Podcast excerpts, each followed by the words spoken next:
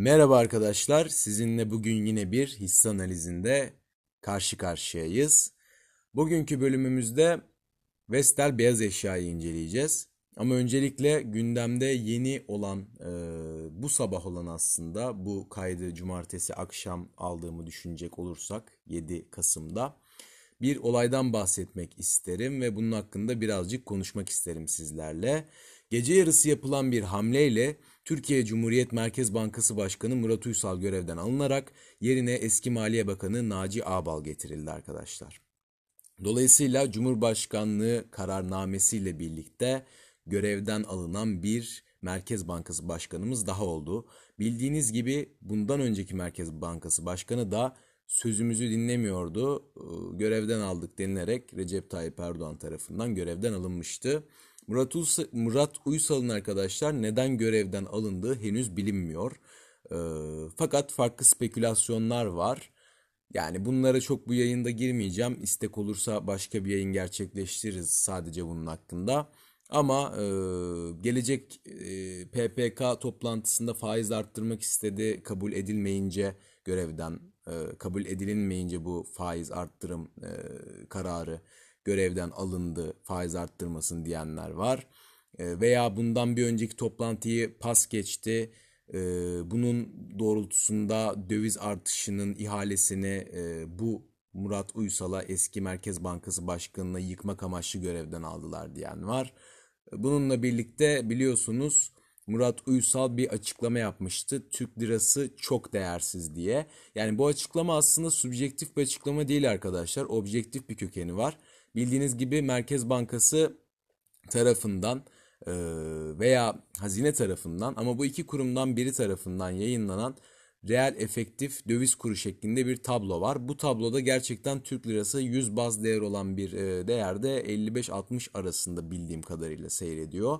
Ve gerçekten olması gereken değerden daha değersiz bir durumda. Gerçekten çok ucuz bir durumda eğer TÜİK enflasyonunun gerçek olduğunu varsayarsak.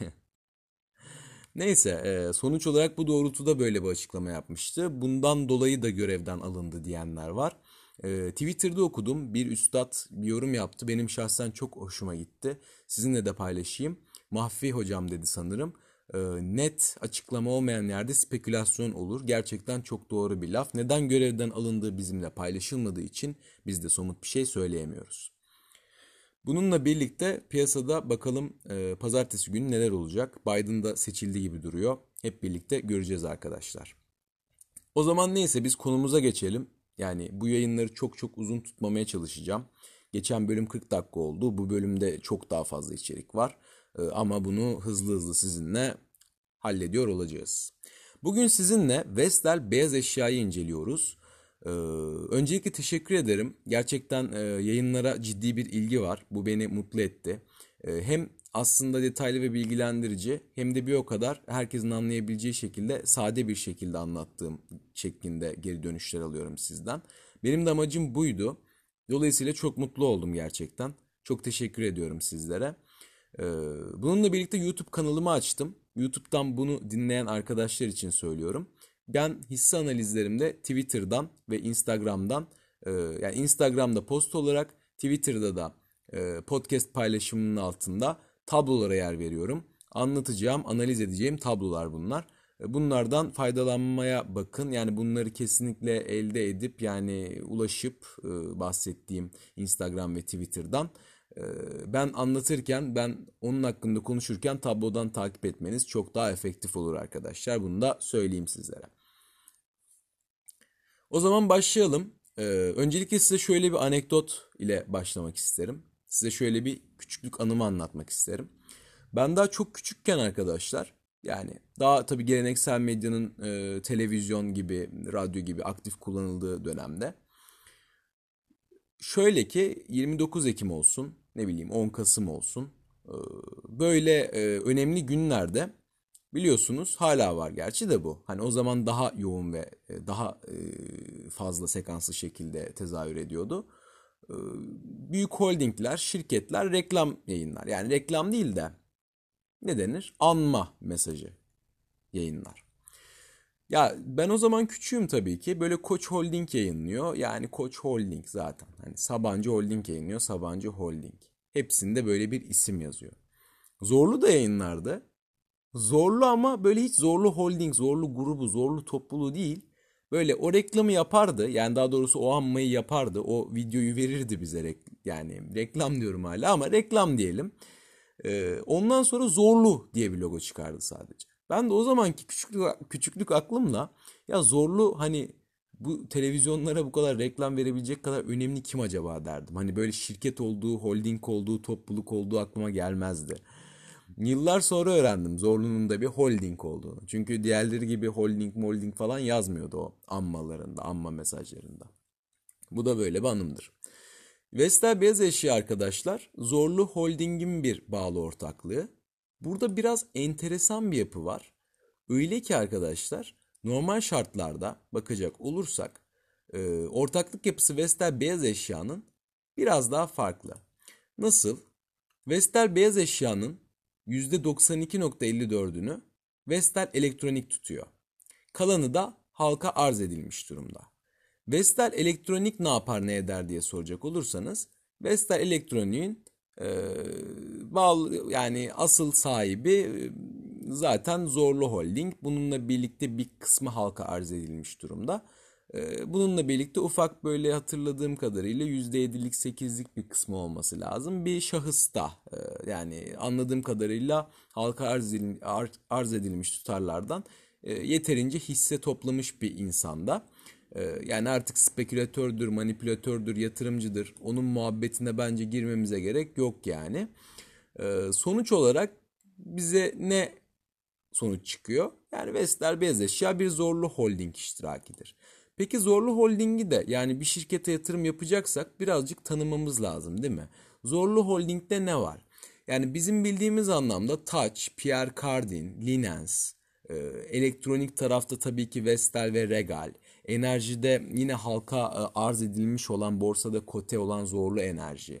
E, bununla birlikte Zorlu Center, Zorlu Performans Sanatları Merkezi, Zorlu GEO gibi farklı Aynı şekilde ortaklıkları var. Factoring'idir, Air'idir. Yani Zorlu Holding ülkemizin zaten güzide kurumlarından biri arkadaşlar. Bunda zaten e, hiçbirimizin şüphesi yok. Şirket arkadaşlar Vestel Beyaz Eşya, buzdolabı, çamaşır makinesi, klima, pişirme cihazı, çamaşır kurutma makinesi ve bulaşık makinesi dahil olmak üzere bir ev aletleri üreticisi. İş yatırımın raporuna bakacak olursanız şirket hakkında oldukça optimistik bir çizgide olduğunu görürsünüz. Hatta 2020'de beyaz eşya iç pazarında Vestel için yaklaşık %4'lük bir pazar payı artışı öngörüyor. Bunun da ben değerli olduğunu düşünüyorum. Şirket sonraki tablolarda analiz edeceğim üzere, görebileceğiniz üzere Türkiye'nin en önemli ihracatçılarından ve aynı şekilde yüksek temettü verimliliğine sahip. Öyle ki arkadaşlar ihracatının son senelerdeki ortalaması %70-80 arasında diyelim ki %75. Temettü verimliliği de son 4 yılda ki 2020'de pandemi dolayısıyla rezil bir temettü yani %2'lik bir temettü vermesine rağmen son 4 yıl ortalama, ortalaması %10. Dolayısıyla bana sakal geliyor yani. Temettü verimi var bu şirketin. Bu da güzel çünkü temettü bir şirketin nakit akışının kuvvetli olduğunu ve bize gerçekten somut bir para gelebildiğini gösterir. Dolayısıyla temettü veren şirketleri portföyde tamamen olmasa da kısmen tutmanın olumlu bir etkisi olduğuna ben şahsen inanıyorum. Aynı zamanda zara düştüğünüz, zora düştüğünüzde pardon e, nakitiniz azaldığında böyle eğer tekrar bir Mart-Nisan dönemindeki gibi bir pandemi kaynaklı borsa çöküşüne nakitsiz yakalanırsanız o temettü size hayat olabilir, can suyu olabilir. Şirketi arkadaşlar FinTables vasıtasıyla sektör ortalamasına göre kıyasladım. Brüt kar marjı sektör ortalamasına göre düşük. Ama fabrik marjı sektör ortalamasıyla ortala, ortalamasıyla paralel gidiyor. Net kar marjı ise sektör ortalamasının üstünde. Aktif karlılığı ve öz sermaye getirisi de benim yüzümü güldürüyor. Öyle ki öz sermaye getirisi sektörün 3 katı kadar verimliliğe sahip. Öz sermaye getirisi genelde %30-35 civarında. Bir sene yani göreceğiz onu zaten ileride hariç. Ee, genelde 30, 31, 32 civarında seyrediyor. Bu da aslında çok ciddi bir fazla oran. Yani durable goods sektörüne göre bakacak olursak gerçekten veya metal e, eşya sektörüne hani bu alanda faaliyet gösteren firmalara bakacak olursak gerçekten keyifli. Yani e, yüksek bir karlılığı olduğundan kısaca bahsedebiliriz. O zaman gelelim fasulyenin faydalarına. Şimdi geçelim arkadaşlar finansal analiz kısmımıza. Şirketin 2017, 18 ve 19 finansallarını inceleyeceğiz. Aynı zamanda 2019 3. çeyrek ve yeni gelmiş 2020 3. çeyrek tablolarını sizinle inceliyor olacağız. Arkadaşlar benim bu finansallara ilk baktığımda gördüğüm aslında 2017-18 arası gerçekten çok iyi bir performans göstermiş olduğu şirketin ama 2018-19 performansının bir tık arada zayıf kaldığı. Ama 2019'un 3. çeyreği ile 2020'nin 3. çeyreğini kıyaslarsam şirketin deli gibi deli dolu geldiğini görebilirsiniz. Gerçekten güzel. Hadi başlayalım kısaca. Ya şunun kararını verdim. Ben sonuç olarak sizinle tablo olarak paylaşıyorum ya. Böyle şu şuymuş, şu olmuş, şurada da şu olmuş şeklinde bunu yapmak istemiyorum artık. Çünkü gerçekten çok vakit alıyor. E, bu ama kritik gördüğüm yerleri size nispeten e, söylemek, ifade etmek istiyorum. E, ve biraz daha böyle 2017-19 arasını daha ziyade vurgulamak istiyorum. Yani 2 yıllık bir süreci. Özellikle ve sonra çeyreklerin kıyası gibi düşünebilirsiniz. Net satışımız yani 2 yılda 2 yıl mı denir buna ya? Ha 2 yıl aynen. 2 yılda %81 artmış arkadaşlar. Dolayısıyla 7 milyarlara ulaşan bir net satıştan bahsediyoruz. Bu gerçekten olumlu. 2 senede de bakacak olursak şirketin satışlarında müspet bir artış var. Brüt kar marjları genelde %12,5 civarında seyrediyor diyebiliriz ama 2018'de %16'ya çıkmış. Ee, burada güzel bir brüt kar marjını yakalamış aslında şirket ama 2019'da bu güçlü marjı kaybetmiş. %12.6'lık bir marjı var. Bununla birlikte 900 milyon liralık bir e, brüt karı sağlayabilmiş. Faaliyet karı arkadaşlar e, yine dalgalı. Faaliyet karında egzantrik bir düşüş var ama bu daha ziyade 2023. çeyrekte acaba bu trend devam ediyor mu diye baksak iyi olur ama %12,5'tan %10.4 sırasıyla ve 2019'da da %8.6'ya kadar faaliyet karı inmiş. Ee, bu gerçekten egzantrik aslında. Ee, amortismanı 2 senede arttırmış yatırımlar yapan bir şirket zaten. Bu yatırımlar doğrultusunda amortismanları da artıyor. Ee, dolayısıyla bu güzel yani capex yapan bir şirket zaten. Bunun nakit akışı kısmında da konuşuyor olacağız.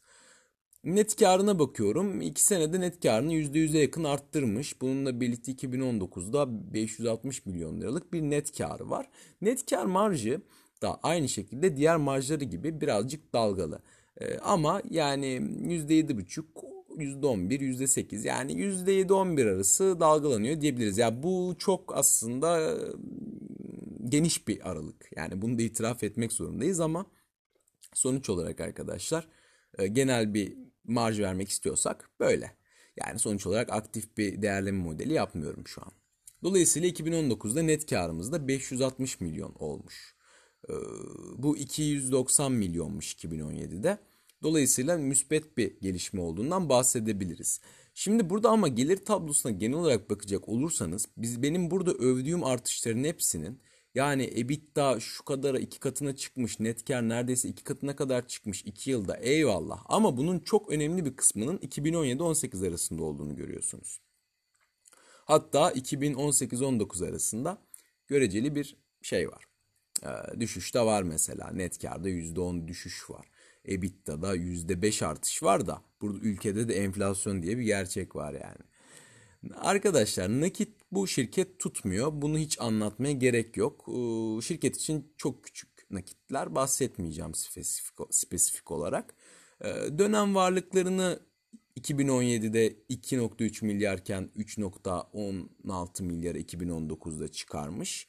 Ee, ama bizim olayımız daha çok duran varlıklardaki artışla. Duran varlıklarını %150 arttırmış 2 senede. Ya buradan da aslında bir gerçekten e, kapasite yatırımı yapıyor olduğundan bahsediyor olabiliriz. Aktifler de 2 senede %65 artmış.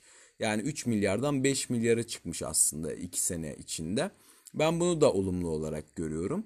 E, borcuna gelelim şirketin. Yani ben burada borç rakamları şöyle çıkmış inmişten ziyade artık size biraz şeyden bahsetmek istiyorum. İki tane benim sonuç olarak bunları ölçebilmek için rasyon var. Net borç bölü FAVÖK.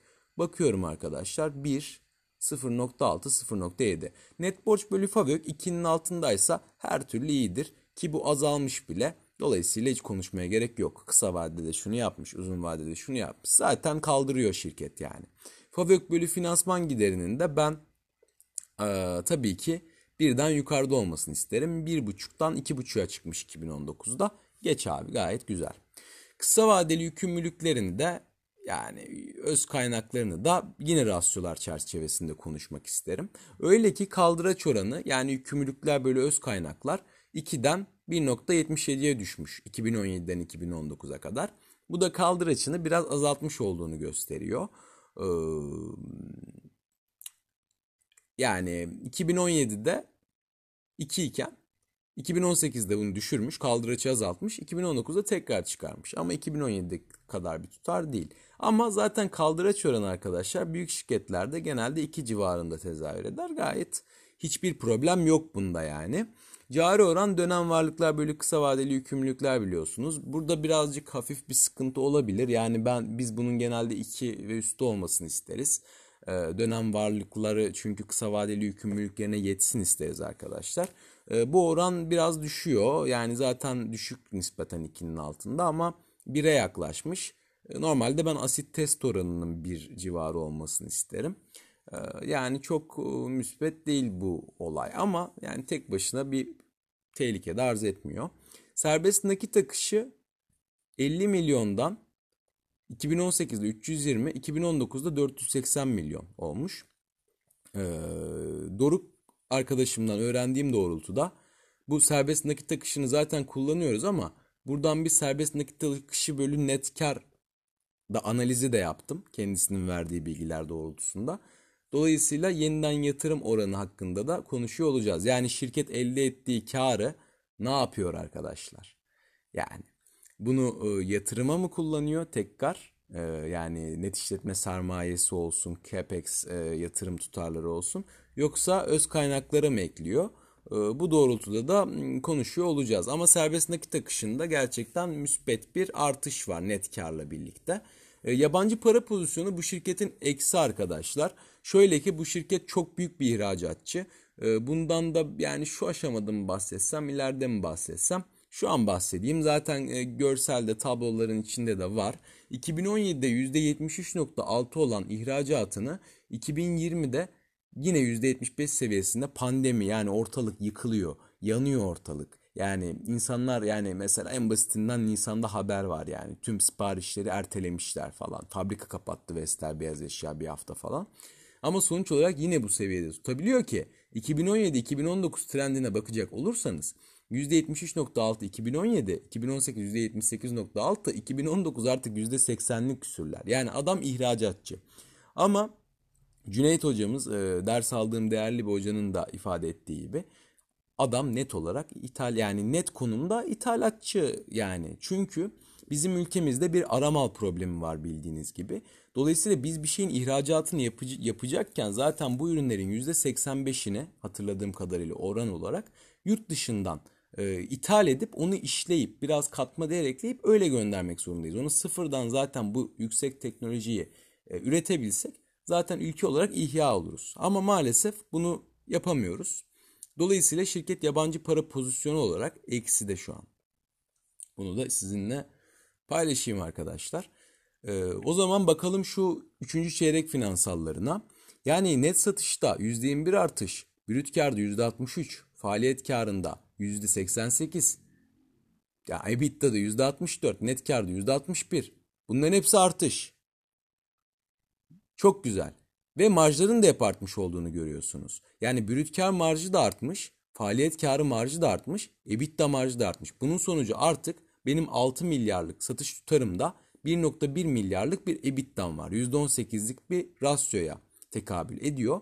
Net kar marjım da aynı şekilde %12'lere dayanmış. 700 milyonluk bir net kar üretmişim 3 çeyrekte. Ben bunu da son derece başarılı buluyorum. Nakit benzerleri yine burada önemli değil diye düşünüyorum. Dönem varlıklarında burada enteresan bir şekilde %51'lik bir artış olmuş arkadaşlar. Ee, bu enteresan. Ama bir yandan da şuna bakıyorum. Toplam finansal yükümlülüklerinde de %50'ye yakın bir artış var. Ee, burada tutarlara bakıyorum mesela. Dönem varlık artışı 1.6 milyar olmuş. Ee, tabii burada kıyasladığımız 2019 yıl sonu bilançosu ile 2020 3. çeyrek bilançosu arkadaşlar. O konuda karışıklık olmasın. Toplam finansal yükümlülükte 400 milyonluk bir artış. Yani bu 400 milyonluk artışın e, kasada tutulduğunu, henüz işlenmemiş olduğunu düşünürsek dönem varlıklar nezdinde nispeten bir açıklama yapabilirim. Ama bu kesinlikle benim tamamen bir açıklama olmam. O, tamamen bir açıklamam olmaz arkadaşlar. Dolayısıyla burada ekstra bir e, şey yapıldığını düşünebiliriz. Bu dönem varlıklarda ekstra başka kalemlerle de eş zamanlı olarak bir hacim artışı olmuş olduğunu söyleyebiliriz. Ben olumlu görüyorum şahsen. E, aktiflerinde de %36'lık bir artış olmuş. En basitinden bakıyorum. Acaba yükümlülüklerinden mi geliyor bu artış? Yani yükümlülüğüyle mi refinanse etmiş yoksa öz kaynaklarıyla mı diye. Yükümlülükleri %39 artmış, öz kaynakları %31. Yani aslında eş baskın olarak refinanse etmiş diyebiliriz. Ama şunu da belirteyim. Bu artışlar yüzdesel olduğu için miktar olarak da bakmamız lazım. Dolayısıyla 1.2 milyarlık bir yükümlülük artışı, 500 milyonluk bir öz kaynak artışı var. Bu bilgi ışığında da arkadaşlar aslında önemli bir kısmının yükümlülükler vasıtasıyla refinanse edilmiş olduğunu söyleyebiliriz. Şayet kaldıraç oranına bakacak olursak 1.77'den 1.88'e çıkmış. Ee, net borç bölü FAVÖK hala buçuk ama FAVÖK'ün ne kadar arttığını gördünüz arkadaşlar. Dolayısıyla net borcumun da arttığına işaret ediyor bu. FAVÖK finansman giderim oran olarak 2.4'ten 2.3'e düşmüş. Demek ki burada bir finansman gideri artışı da var. Ee, çünkü favömün de ne kadar arttığını siz bizzat biliyorsunuz. Favök artmış ama finansman giderim daha çok artmış benim rasyomu düşürmüş. Dolayısıyla e, burada biraz daha kaldıraç kullanılarak aktiflerin refinanse edildiğini söyleyebiliriz. E, aktiflerin e, değer artışından sorumlu aslında benim yükümlülüklerimdeki artış. Bu kısmen finansal yükümlülükler, kısmen de diğer yükümlülükler olarak özetlenebilir. Tabii ki öz kaynaklarında katkısı var bu aşamada. Serbest nakit akışımda arkadaşlar olumlu trend son bulmuş. 280 milyon lira içeri girmişim. Ama burada sizinle şunu paylaşmak isterim. Gerçekten çok ciddi bir capex var. E, yatırım faaliyetlerinden ciddi bir çıkış var. E, ee, 600 küsür milyon, 650 milyon liralık bir çıkıştan bahsediyoruz. Bunun 300 milyonunu direkt e, varlık şeyi olarak e, girilmiş. E, varlık ne denir? Yatırım yani. Varlık alımıyla veya işte varlıkları sürdürebilmek maksadıyla yapılan capex olarak girilmiş. 300 milyon liralık da bir borç durumu var. Nakit avans olarak yazılmış. Burada iştiraklerine vesaire e, veya yatırım ile bağlantılı kendi finansal yatırımları da olur bu şekilde iştirak gibi veya fabrika yatırımları duran varlık yatırımları da olur. Bunlarla alakalı nakit avans vermiş olduğunu söyleyebiliriz. Bunların hep dönecek tutarlar olduğunu düşünürsek en azından ben bu 300 küsür tutarı eklemek istiyorum. Yani serbest nakit akışını yine kendi kafamda ufak bir correction'la artıya geçirmek istiyorum. Yabancı para pozisyonu da artmış. Bu da çok normal çünkü dövizin durumu ortada neden artmasın. Yani arkadaşlar rekabetçi kur lafıyla olmuyor. Bizim en büyük ihracatçılarımız aha dayıya sor yani 2019'da %82.2 ihracat yapmış Vestel Beyaz Eşya denen şirket yabancı para pozisyonunda eksi. Dolayısıyla senin ihracatçı olabilmen için rekabetçi gerçekten bir kur politikasını uygulamak için dışa bağımlılığın az olacak ki rekabetçi bir kur soğuk oldu yapacaksın. Oradan ihracatta avantaj kazanacaksın. Şayet Çin'in nispeten yaptığı gibi. Ee, ama işte bu şekilde en fazla sen doları, euroyu, dövizi durduramazsın. Türk lirasının değer kaybını durduramazsın. Adına da rekabetçi kur dersin. Belki yiyen çıkar. Neyse. Şimdi arkadaşlar e, rakip analizi ve çarpan analiziyle devam etmek istiyorum. Ama devam etmeden bazı yatırımcı arkadaşların en sevdiği konulardan birine geldi sıra. Temettü. Biliyorsunuz temettü yatırımcılığı ülkemizin önemli yatırımcılıklarından biri. Ben de e, bu doğrultuda Vestel Beyaz Eşya'nın iyi bir temettücü olduğundan bahsedebilirim sizlere. Te, e, şirket 2017'de %7.58 temettü vermiş. 2018'de %11.39 temettü vermiş. 2019'da patron çıldırmış %20'ye yakın %18.74 temettü vermiş. 2020'de tabii ki pandemi etkisiyle %2.32'lik bir temettü vermiş. Buna rağmen siz 4 sene boyunca şirkette kaldıysanız temettü veriminiz senede %10. Ki 2017, 18 ve 19 alırsam sadece %12,5. Yani TÜİK'in TÜİK'in açıkladığı enflasyon kadarlık bir tutar olduğundan bahsedebiliriz. Dolayısıyla hissenin fiyatı hiç değişmedi. Her sene aynı bitti. Hisse 10 lirayla mı başladı trade etmeye yıl başında? Yıl sonunda yine 10 lirayla kapattı. Siz zarar etmiyorsunuz. Çünkü temettü kapsamında %12,5'luk o 3 senede bir geliriniz oluyor. Dolayısıyla e, bu doğrultuda aslında paranızı TÜİK enflasyonuna göre gerçi hani 2018'de falan daha yüksekti de hani siz ana mesajı algılayın yani. Paranızı korumuş oluyorsunuz. Gerçekten güzel. Arkadaşlar, e, rakip analizini yapacak olursak önce çarpan analiziyle başlayayım bu sefer. Çünkü çarpan analizinde size enteresan şeylerden bahsetmek isterim. E, öncelikle yeni kalemler ekledim. Return on Equity yani sermaye getirisi ve Return on Asset varlık getirisi kalemleri ekledim. Biraz konuşalım bunlar hakkında sizlerle. E, firma değeri bölü satışlar 2017, 18, 19 ve 2020 çeyreğine bakacak olursak ortalama 0.71 çarpanla seyretmiş. 2018'de çok cazip 0.55 çarpanlara kadar inmiş aslında.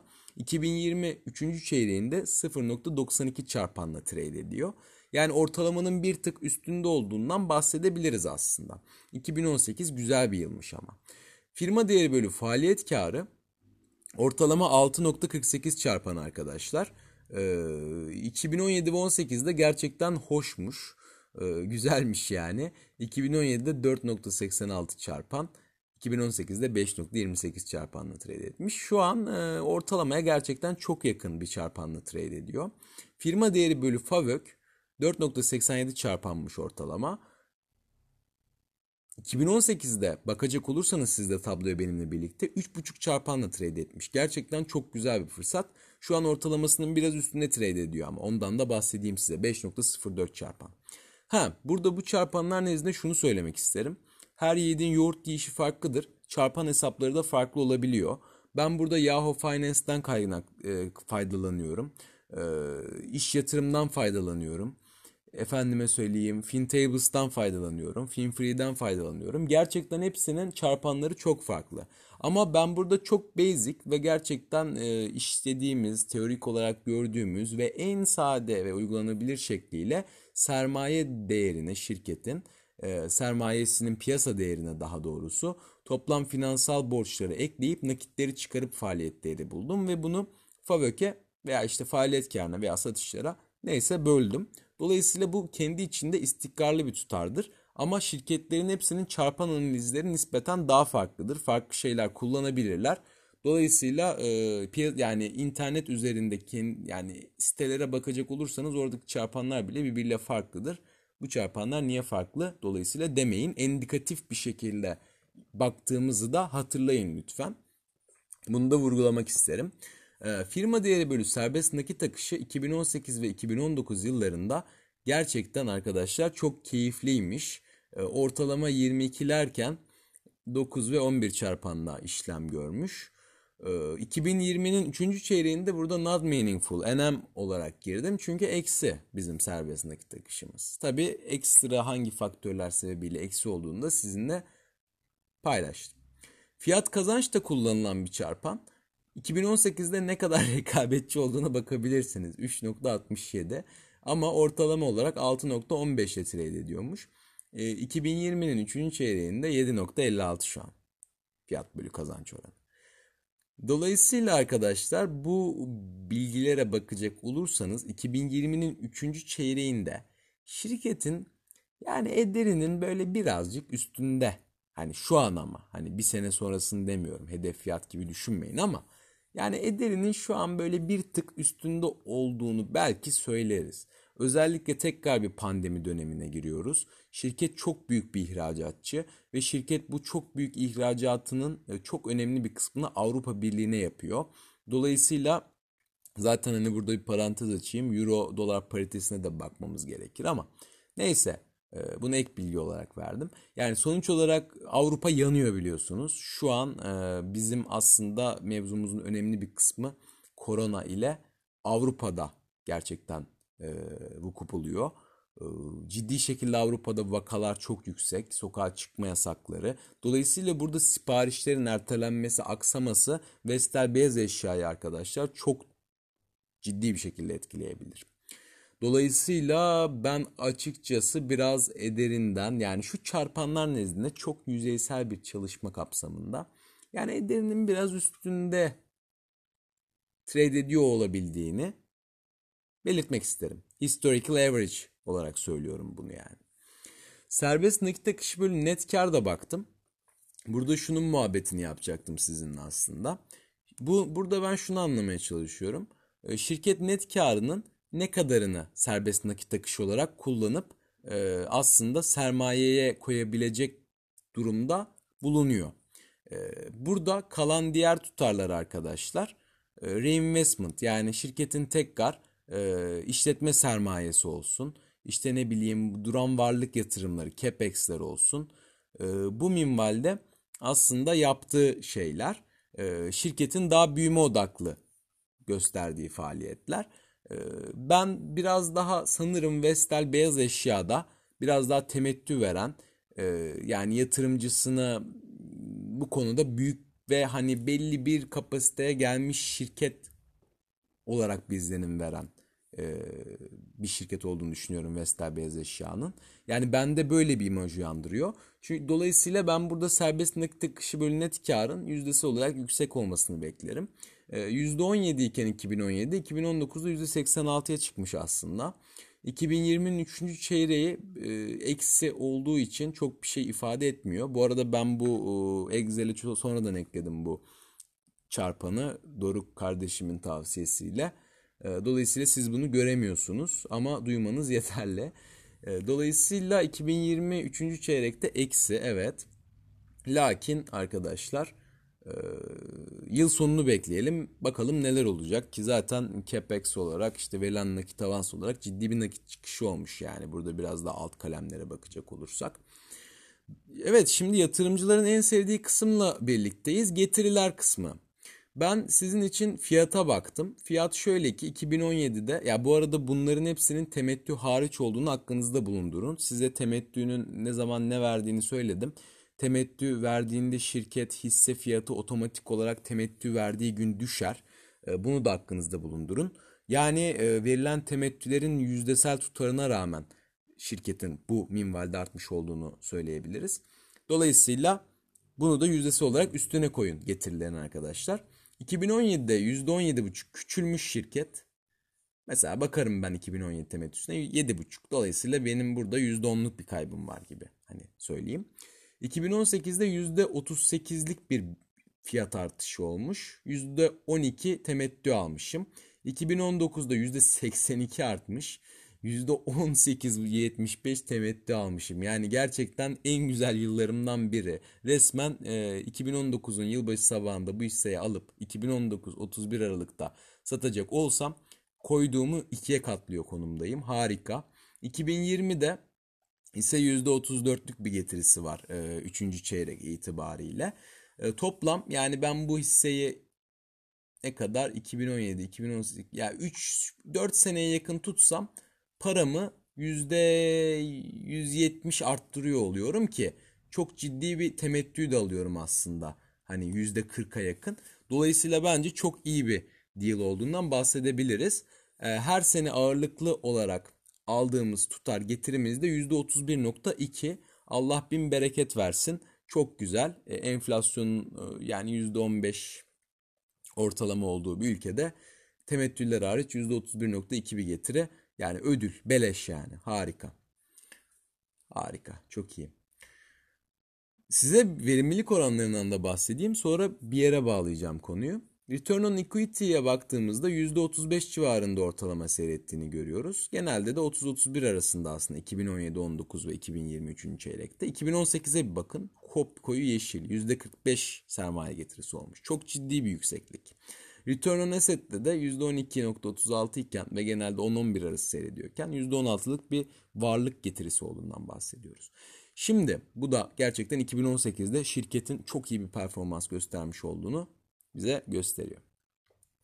Şimdi burada değer yatırımcılığı dediğimiz şeyi ben şu minvalde açmak isterim. Şimdi 2018'in tüm çarpanlarına bakın. FD bölü satışlar, FD bölü faaliyet kar, FD bölü fabrik, FD bölü SNA. Hepsine bakın. Hepsine, hepsine. Fiyat bölü kazanç. Hepsine bakın. Görüyorsunuz. İşte return on equity bakın, return on asset bakın. Yemyeşil, kopkoyu yeşil. Peki 2019 yılında şirketin getirisine bakın. %82. İşte arkadaşlar bu değer yatırımcılığıdır. Ben şirketi ucuza, iyi performans gösteren, çarpanları kendi tarihsel çarpanlarına göre de düşük, sektöre göre de düşük şirketleri buluyorum. Bir yatırımcı olarak alımımı yapıyorum. Ekmeğini yiyorum. Bence harika. Dolayısıyla ben a evet gerçekten iyiymiş deyip 2019'un ilk günü alsaydım Vestel beyaz eşyayı 2 senede yaklaşık yüzde ne kadar ediyor ya? Bakıyorum yani çok ciddi bir tutar. Yüzde 120, yüzde 130 bir getiri elde ediyorum. Üstüne de yüzde 20'ye yakın bir temettü alıyorum. İşte değer yatırımcılığı budur. Ufak bir rakip analizi de yapalım. Yani şirketin rakibi Arçelik zaten. Hani bunu çok böyle gizli saklı e, konuşmaya gerek yok. Başka da ben açıkçası borsada bir rakip bulamadım. Hani baktım böyle daha toptan üreticiler falan vardı. İhlas ev aletleri toptan işte ne bileyim Alarko kariyer biraz daha kombi mombi tarzı işlere bakıyor. Yani bence çok sağlıklı olmazdı. Dolayısıyla Arçelik'le bir kıyaslayalım dedim. 2019 finansallarını kıyaslayarak başlayalım. Fiyat bölü kazançta Vestel beyaz eşyanın eli çok daha güçlü. Ee, Arçelik iki katı kadar bir fiyat kazançla trade ediyor. Ee, firma değeri bölü satışlarda ikisinin de e, benzer kulvarlarda olduğunu düşünüyorum.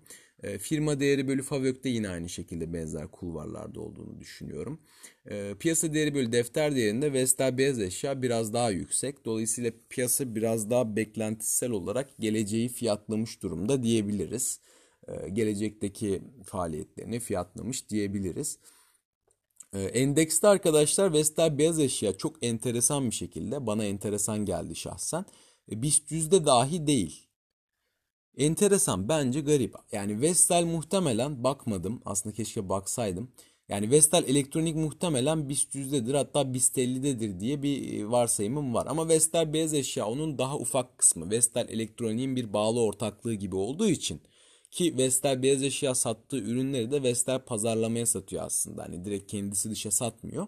Dolayısıyla Vestel beyaz eşya hacim olarak biraz daha küçük aslında. E, o yüzden BIST tümde olması normal gibi geliyor. Yabancı oranı Arçelik'te %64 iken Vestel beyaz eşyada %7,5. Yani bu nispeten iyi nispeten kötü. Bunu sizinle konuşmuştuk hatırlıyorsanız. Yani demiştim ki yabancının az olması bir noktada niye girmedi dedirtiyor insana ama bir noktada da yani yabancı çıkışın ülkemizde borsamızda ne kadar çok olduğu malumken e, diyorsun ki ya en azından çıkamaz çünkü yok zaten az yani. Öyle bir durum da var. 2019 getirisi olarak Vestel beyaz eşya Arçelik'ten çok daha fazla getirmiş. Yani getirinin çok olduğu yerde e, ben biraz da çekiniyorum açıkçası. O yüzden burada kırmızılama gereği duydum. Yıl başından itibaren de arkadaşlar e, getirimiz %53.24. Evet. Kısaca böyle. Ee, 2020 6. ay finansallarına da çok kısaca bakacak olursak daha majör çarpanlar için fiyat kazançta Arçelik'in ve Vestel Beyaz Eşya'nın birbirine nispeten yaklaşmış olduğunu görüyoruz. Ee, firma değeri bölü satışlarda yine çok konuşacak bir şey olduğunu düşünmüyorum. Firma değeri bölü Favök'te Vestel beyaz eşyanın seviyesini koruduğunu, Arçelik'in ise biraz yükseldiğini gözlemliyorum ben buradan. Ee, yani firma değeri bölü Favök de Vestel beyaz eşya yani öyle bir Favök açıkladı ki 3. çeyrek için. Şu an 3. çeyrek Favök'üne bakacak olursanız daha piyasada pahalı e, bir yani firma değeri olmasına rağmen hani MCAP sebebiyle özellikle e, çarpanın daha düşük kaldığını görüyorsunuz. E, ama işte korona kaynaklı ben ileriki çeyreklerdeki finansalları biraz şüpheyle yaklaşıyorum. E, piyasa değeri böyle defter değeri olaraksa Arçelik hala daha uygun. Yani dolayısıyla birazcık karışık bir durum. Yani Vestel Beyaz Eşya ve Arçelik görüyorsunuz ortada her şey. Birini alsanız hangisini alırdınız? Ben şahsen merak ediyorum. Ben bu konuda net bir yorum yapmak istemiyorum. Fiyat hareketleri olaraksa e, yani 2016'nın yıl sonunda 12 liralarda olan bir hisse şu an 33-34 liralardan trade ediyor. E, tabii ki yani halka açıklık oranı nispeten düşük bu şirketin. Konuştuk yani %7'lik bir halka açıklık oranı olduğunu söyledik. Dolayısıyla arkadaşlar çok normal. E, yani nispeten daha ne denir? Volatil bir kağıt olması, volatil bir hissesi olması bence normal. E, ama şirketin genel olarak bir artış trendi var. E, uzun süre aslında 2016 seviyelerinde 2016'dan yani 2018'lerin sonuna kadar 10 lira, 11 lira, 12 lira çizgisinde giderken birden vitesi arttırmış ve şu an 34 liradan trade ediyor. Aslında bu da bir noktada bizim için değer yatırımcılığına örnek. Elimizde olan hisseyi finansal performansına ve çarpanlarına güveniyorsak inanarak tutmalıyız arkadaşlar. Yani bu yayın kısaca, kısaca dedim ama 41 dakika 42 dakika yine kısa tutamadım maalesef. Bu şekilde Vestel Beyaz Eşya benim çok beğendiğim şirketlerden biri. E, net olarak bir ihracatçı konumunda ama bunun pandemi bazlı risklerini de düşünmeli her yatırımcı kendi açısından. Ciddi bir temettü verimliliği vardı yakın zamana kadar ama 2020'de bunu göremedik pandemi sebebiyle. Bundan sonra görebilir miyiz? Bunu da pandemi nezdinde yatırımcının kendi değerlendirmesi lazım. Rakibi Arçelik. Arçelik'e bakacak olursak aslında bazı çarpanlarda yakınken bazı çarpanlarda uygun olduğunu görüyoruz. Ee, ben hani ikisinin birbirine çok çarpan nezdinde bir üstünlük kurduğunu düşünmüyorum. Arçelik'in hacmi tabii ki Vestel beyaz eşyaya göre çok çok büyük. E, Vestel beyaz eşyanın kendi tarihsel çarpanları nezdinde 2018 benim tabii ki gözlerimi büyülüyor. Ondan sonra nispeten çarpanlar nezdinde tekrar pahalılaşmış. Yani burada şunu söylemek istiyorum. 2018 o kadar ucuzdu ki e, tekrar pahalılaşmış yani olduğunu söylüyorum. Peki ederinden daha mı pahalı derseniz tarihsel ortalamanın bir tıkçık yani çok değil e, rahatsız edici derecede değil bir tıkçık üstünde seyrettiğini belki söyleyebiliriz. Ama burada çok da majör bir yorum yapmayız yani demeyiz ki aa abi çok pahalı veya işte pahalı bu para verilir mi e, veya hani bu minvalde bir yorum yapmayız kesinlikle. Sadece historical e, multiples olarak hani hmm, ucuz bir fiyatta olmadığını söyleriz. Bu deyim gerçekten doğru. Ucuz bir fiyatta değil arkadaşlar. E, ben ne zaman alım yapmayı düşünebilirim? E, makro sebeplerden kaynaklı bir endekste düşüş olursa daha alt maliyetlerden toplamayı isteyebileceğim bir şirket. Ülkemizin güzide kurumlarından biri. E, return on equity, return on asset olarak da belli bir seviyenin altına düşmeyen, bunu koruyabilen yüzde şirketlerimizden biri. Dolayısıyla arkadaşlar benim aslında e, söylemek istediklerim size bu kadardı. Vermiş olduğunuz destekler için çok teşekkür ederim. Bunu da sonda bir e, söylemek, belirtmek isterim. Umarım e, bu yayını da beğenmişsinizdir. Paylaşarak destek olabilirsiniz. Yorumlarınızı bekliyorum, önerilerinizi bekliyorum, eleştirilerinizi yapıcı olmak kaydıyla bekliyorum. Beni dinlediğiniz için çok teşekkür ederim. Herkese iyi akşamlar, iyi geceler, günaydın, iyi günler. Artık ne zaman dinliyorsanız ee, görüşmek üzere.